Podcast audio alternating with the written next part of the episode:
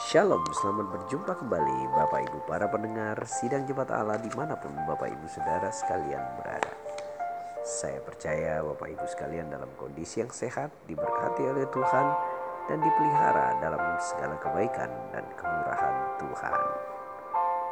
Kita akan sama-sama belajar firman Tuhan dengan judul Meningkatkan kerohanian kita 1 Korintus 9 ayat 24 berkata, Karena itu larilah begitu rupa sehingga kamu memperolehnya.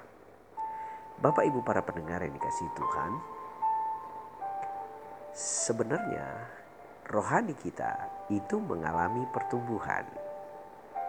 Sama halnya pertumbuhan yang dialami oleh seorang bayi menjadi balita lalu bertumbuh menjadi anak-anak, lalu terus berkembang menjadi uh, remaja, dewasa, dan seterusnya. Demikian pula kerohanian kita hanya dalam bentuk yang tidak kita lihat. Nah, karena itu, Bapak Ibu Saudara, Firman Tuhan mengajarkan kita hari ini, larilah begitu rupa sehingga kamu memperolehnya. Yang dimaksudkannya adalah supaya kita mengalami pertumbuhan rohani. Nah, Bapak Ibu Saudara sekalian, seseorang yang ingin mengalami pertumbuhan rohani, dia akan rindu asupan makanan. Asupan makanan itu adalah firman Tuhan. Dia akan senang untuk mendengarkan firman Tuhan, senang untuk mendengarkan uh, khotbah, renungan, atau bahkan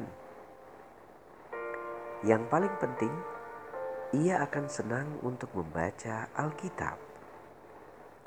Nah, Bapak Ibu Saudara, dalam membaca Alkitab ada kerinduan yang besar.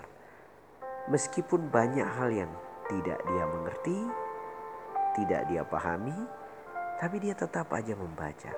Kerinduannya yang besar untuk membaca ini mengalahkan segala hal yang menghalangi dia. Mengapa? Karena seseorang yang ingin mengalami pertumbuhan rohani, dia pasti akan lapar. Rohaninya lapar. Nah, bayangkan Bapak Ibu Saudara sekalian, kalau rohani kita ini hanya sekali seminggu makannya.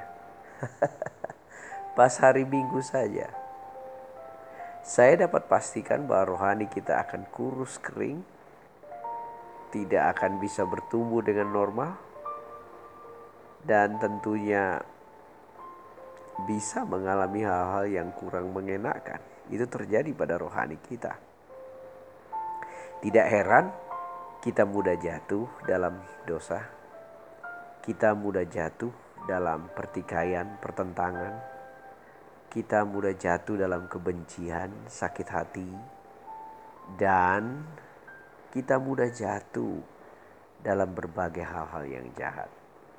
Nah, tahukah Bapak Ibu, orang yang rohaninya bertumbuh, dia akan menikmati firman Tuhan. Dan ketika dia menikmati firman Tuhan, dia akan melakukan firman Tuhan itu. Meskipun berat bagi dagingnya, sulit bagi tubuhnya, atau mungkin menekan jiwa dan pikirannya. Tetapi karena kerinduan yang besar, dia dapat melakukannya dengan sungguh-sungguh. Nah, Bapak Ibu Saudara sekalian, pertumbuhan rohani itu penting.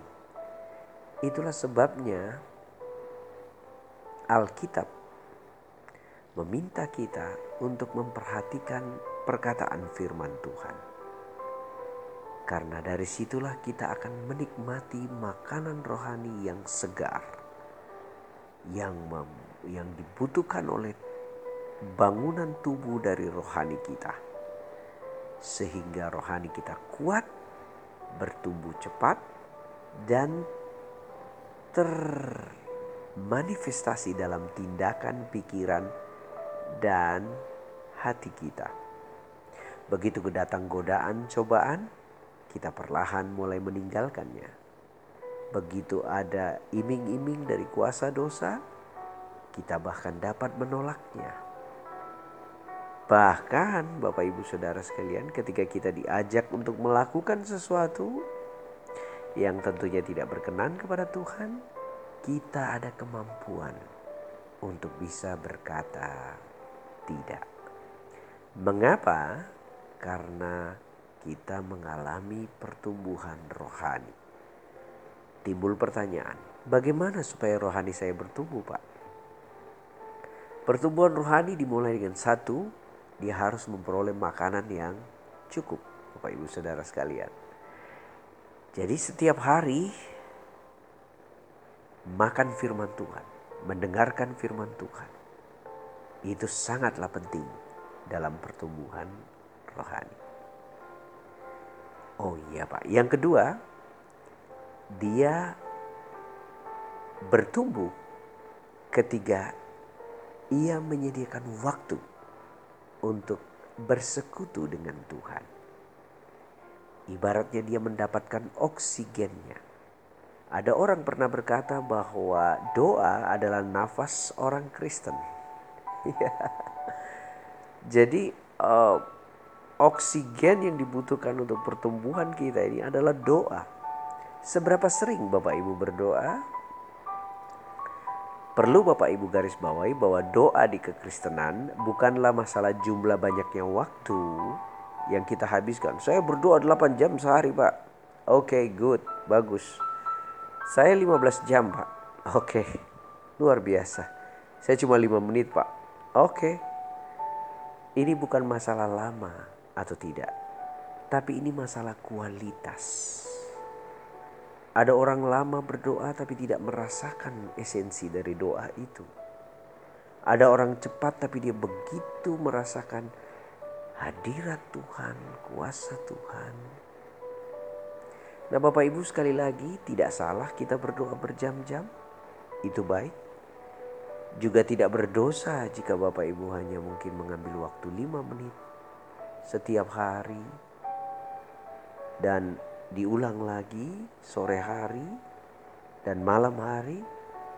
Yang paling penting itu adalah kualitasnya. Ketika kualitas doa bertambah, maka kuantitas atau jumlah jam-jam doa kita akan mengikutinya. Bapak Ibu akan merasakan persekutuan yang luar biasa. Saya cuma doa makan, Pak. Oke. Sebaiknya ditingkatkan, Bro. Ojo kok doa makan tok Wis wayahe munggah. Masa kok doa makan tok ae, Bro. Munggah mendoakan orang lain. Oh iya, kapan itu? Ya sebelum tidur ya sesudah tidur. Ya doa mengucap syukur. Coba toh sebutkan permohonan doa kita. Doakan keluarga, doakan suami, istri, anak, cucu, mantu kita. Banyak doakan bangsa termasuk mendoakan pendeta ya ya. Jadi Bapak Ibu Saudara, yang kedua, oksigen dari pertumbuhan rohani adalah doa. Dan yang ketiga Bapak Ibu Saudara, selain makan makanannya firman Tuhan, menghirup oksigen di dalam doa, yang terakhir menaikkan pujian dan pengagungan kepada Tuhan. Ia akan senang untuk memuji Tuhan. Ia akan senang meninggikan Allah lewat perbuatannya yang sudah mulai mengalami perubahan, sudah mulai mencintai pelayanan, sudah mulai mengasihi pekerjaan Tuhan, sudah suka untuk mendengarkan firman Tuhan. Nah, Bapak Ibu Saudara yang dikasih Tuhan, itulah pertumbuhan rohani. Maukah Bapak Ibu bertumbuh? Kelihatan. Mereka yang mencintai firman, mereka yang suka berdoa meskipun ini bukan masalah jumlah banyak, tapi kualitasnya. Dan mereka yang rindu terus memuji dan menyembah Tuhan. Lewat pujian, lewat tindakan, lewat perbuatan menjadi berkat bagi banyak orang. Tuhan Yesus memberkati kita Bapak Ibu Saudara sekalian. Bertumbuhlah rohani kita ke arah Kristus. Shalom.